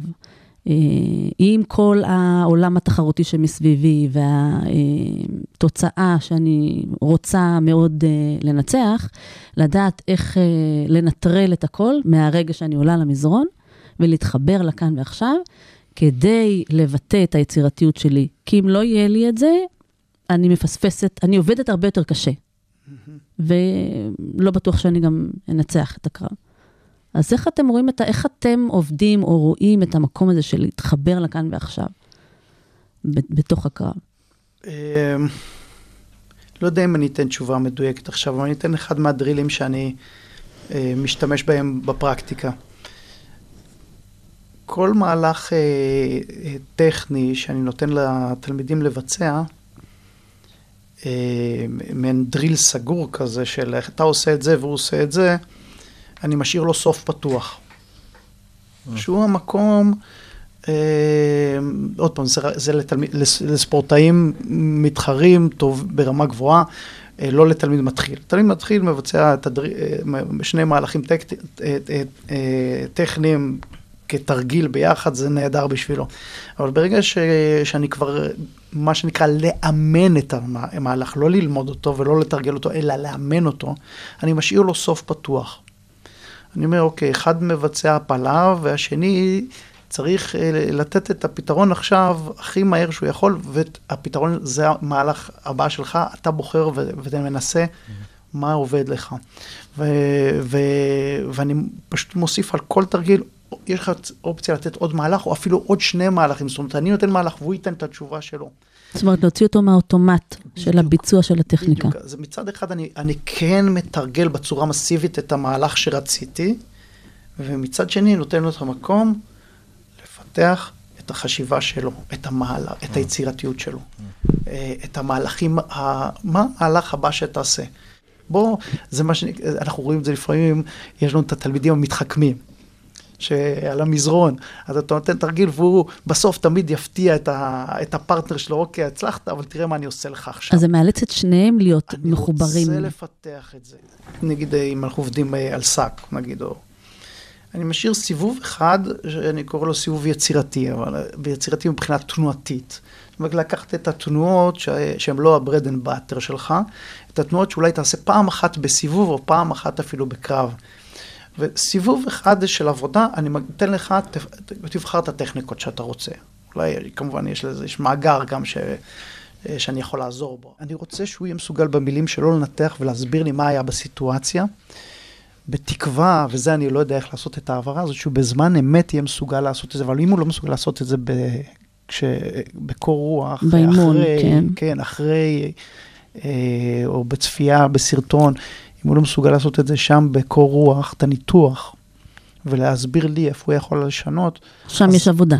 אז, אז בטח, בטח זה לא יקרה בזמן אמת. אבל אם, אם, אם הוא מסוגל לעשות את זה, את הניתוח, לוחם חכם שמסוגל לנתח ולהבין סיטואציות, אז זה יכול לעזור להקל. אז אלה, דבר, כן. אלה שלושת הדברים העיקריים שאני מכניס בשיעורים. אוקיי. אה, אני, קודם כל, כיף כיף לשמוע את עידן אה, מסביר על. הדברים שלו כל הזמן. אשריך. אמ, ואני אתייחס אולי לחלק השלישי של מה שעידן אמר, שזה בעצם היכולת של, אה, של, של ספורטאי, של לוחם, של אתלט, לבצע איזשהו סוג של אינטרוספקציה, איזשהו סוג של התבוננות. ואז הרבה פעמים, למול פיתוח היצירתיות, יש בעצם את הפיתוח של היכולת להיות שנייה נוכח. או, ו, ו, ומה שאני אעשה בדבר הזה, אני אנסה לגרום להם אה, ל, ל, אה, לעשות juggling עם כמה כדורים. אז בעצם יש את הכדור של הטכניקה, נכון? שזה הכדור הבסיסי. אחרי זה, כשיש לנו אחד ושניים, כאילו שיש איזשהו מערך, אז יש גם איזשהו מערך טקטי. כלומר, אני צריך לעשות אחד אם הוא עושה אחד, אני צריך לעשות שתיים אם הוא עושה שתיים, אני צריך לעשות שלוש אם הוא עושה שלוש. יש לי איזשהו סוג של מערך שאני צריך לבחור ממנו, זה הטכניקה והטקטי. והשלוש זה איך אני בעצם גורם ל- ללוחם שלי להיות מודע גם לתהליך הזה שקורה בתוכו כרגע. במהלך הקרב. אז מהלך הקרב, אנחנו רוצים להגיע למהלך הקרב, אז אז בשביל להגיע למהלך הקרב, אנחנו מדברים באימון. כרגע על אימון. ואז אני אקנה לו איזשהו סוג של, מתוך עבודה, עוד פעם, אנחנו, אנחנו מדברים פה הכל עם משיכות מכחול גסות, אבל אמ, אני אקנה לו איזשהו עוגן תחושתי או פנימי, שאנחנו נדבר עליו ונאמן אותו. זה יכול להיות נשימה, תחושת גוף, אמ, איזשהו ניתוח קוגניטיבי שהוא עושה תוך כדי, אה, מענה לשאלות, כל מיני עוגנים מסוימים, ואני מבקש ממנו לנהל את שלושת הזירות האלה. כמובן שעוד פעם, אם אנחנו חוזרים חזרה לטכניקה, אז הוא חייב לשלוט בטכניקה קודם כל. תנאי הוא חייב בסיסי. לשלוט בהבנה הטקטית שלו, כלומר, אני לא יכול להקפיץ עליו את כל התהליך הזה, את כל ה progression הזה ביחד. אבל אחרי שהוא יעשה את תנאי מספר 1 ותנאי מספר 2, אנחנו נלך לתנאי מספר 3. שזה לנסות לנהל משימה פנימית, שזה עוד פעם יכול להיות איזשהו סוג של סקירה של עצמו, קוגניטיבית, רגשית, תחושתית, תוך כדי זה שהוא מנהל את שתי הזירות האחרות. וזה בעצם מה שאני, כאילו הרציונל שלי אומר, אם אני מקנה ללוחם שלי את היכולת הזאת, להבין, לייצר גם איזשהו סוג של אינטרוספקציה, איזושהי שליטה בתהליך פנימי, תוך כדי זה שהוא עושה את הדברים האחרים, אז בעצם פיתחתי מחשב עם כוח חישוביות גדול יותר, הוא יכול איך להפעיל... זה קורה בפרקטיקה של תרגול? זה איך פרקטיקה איך שהיא- זה מחכה לנו לאימון הבא שלנו, אה, עידן. מפחיד אותי עכשיו. זה האימון הבא שלנו. הלא אנחנו. אמורים לעשות אותו כבר. אה, אה, אז אנחנו ניתן כשיש את הלא נודע, רק בלא נודע נולדת היצירתיות. ממש ככה, אבל הוא הוא מדבר על האימון הזה כבר הרבה זמן שאני אני מחכה. לי. מחכה, אני הוא- מחכה הוא- לה על האש. הוא רוצה להפתיע אותך. כן, אני אז- חושבת שהפרקטיקה שאתה מדבר עליה אולי מתחברת לעולם המיינדפולנס שאתה חד משמעית. מדבר עליו. חד משמעית, כן. היה מעניין. היה ממש מעניין. היה כיף. אני חושבת שזה מידע מאוד חשוב אה, אה, הרבה למאמנים, גם לפסיכולוגים ומאמנים מנטליים, ששמעו כאן הרבה אה, ידע של איך לגדל ספורטאים יצירתיים וגם תחרותיים באותה נשימה. אה, איך לא, איך לא אה, לדכא את היצירתיות הזו, בטח בגילים הצעירים. גם, אה, וגם מאמנים אה, שלוקחים ספורטאים ו, ומאמנים אותם להיות תחרותיים. אה, יש כאן גישה שמוצעת להם. כן. בהחלט היה מעניין, אנחנו, דרך אגב, אנחנו גם הוזמנו לעל האש, אני שמעתי פה. נכון? הרגשת כן, הזמנה? הרגשתי הזמנה כזאת לעל האש, זה היה על האש, אבל מגיע אחר כך. אז לא, אז האימון, לחלק הראשון, אנחנו נבוא על אחרי האש מגיע האימון. אחר כך. לפני זה אתה צריך לקנות את ה... להרוויח אנחנו- אותו. אנחנו משלמים בזיעה על על האש. אז אנחנו נוותר על זה, נגיע ישר לעל האש ונמשיך באמת את השיחה המעניינת, כי יש לי עוד אלפי שאלות, כאילו, לשאול. אוקיי. ברור, זה רק התחלה של ה- של תודה השיחה. רבה. תודה רבה תודה לכם. עידן, תודה. ערן. תודה. תודה. אוקיי, הפרק מאוד מאוד מעניין, וזה רק קצה הקרחון. אה, אז תודה גם לכם המאזינים שהייתם איתנו, ולפרקים נוספים אתם יכולים להיכנס ל Spotify, ל Apple Podcast ולאתר של כל האוניברסיטה, ואנחנו נשתמע בפרק הבא. אז ביי ביי. פסיכולוגיית ספורט. היבטים אקדמיים ומעשיים בספורט, בשיתוף האגודה הישראלית לפסיכולוגיה של הספורט.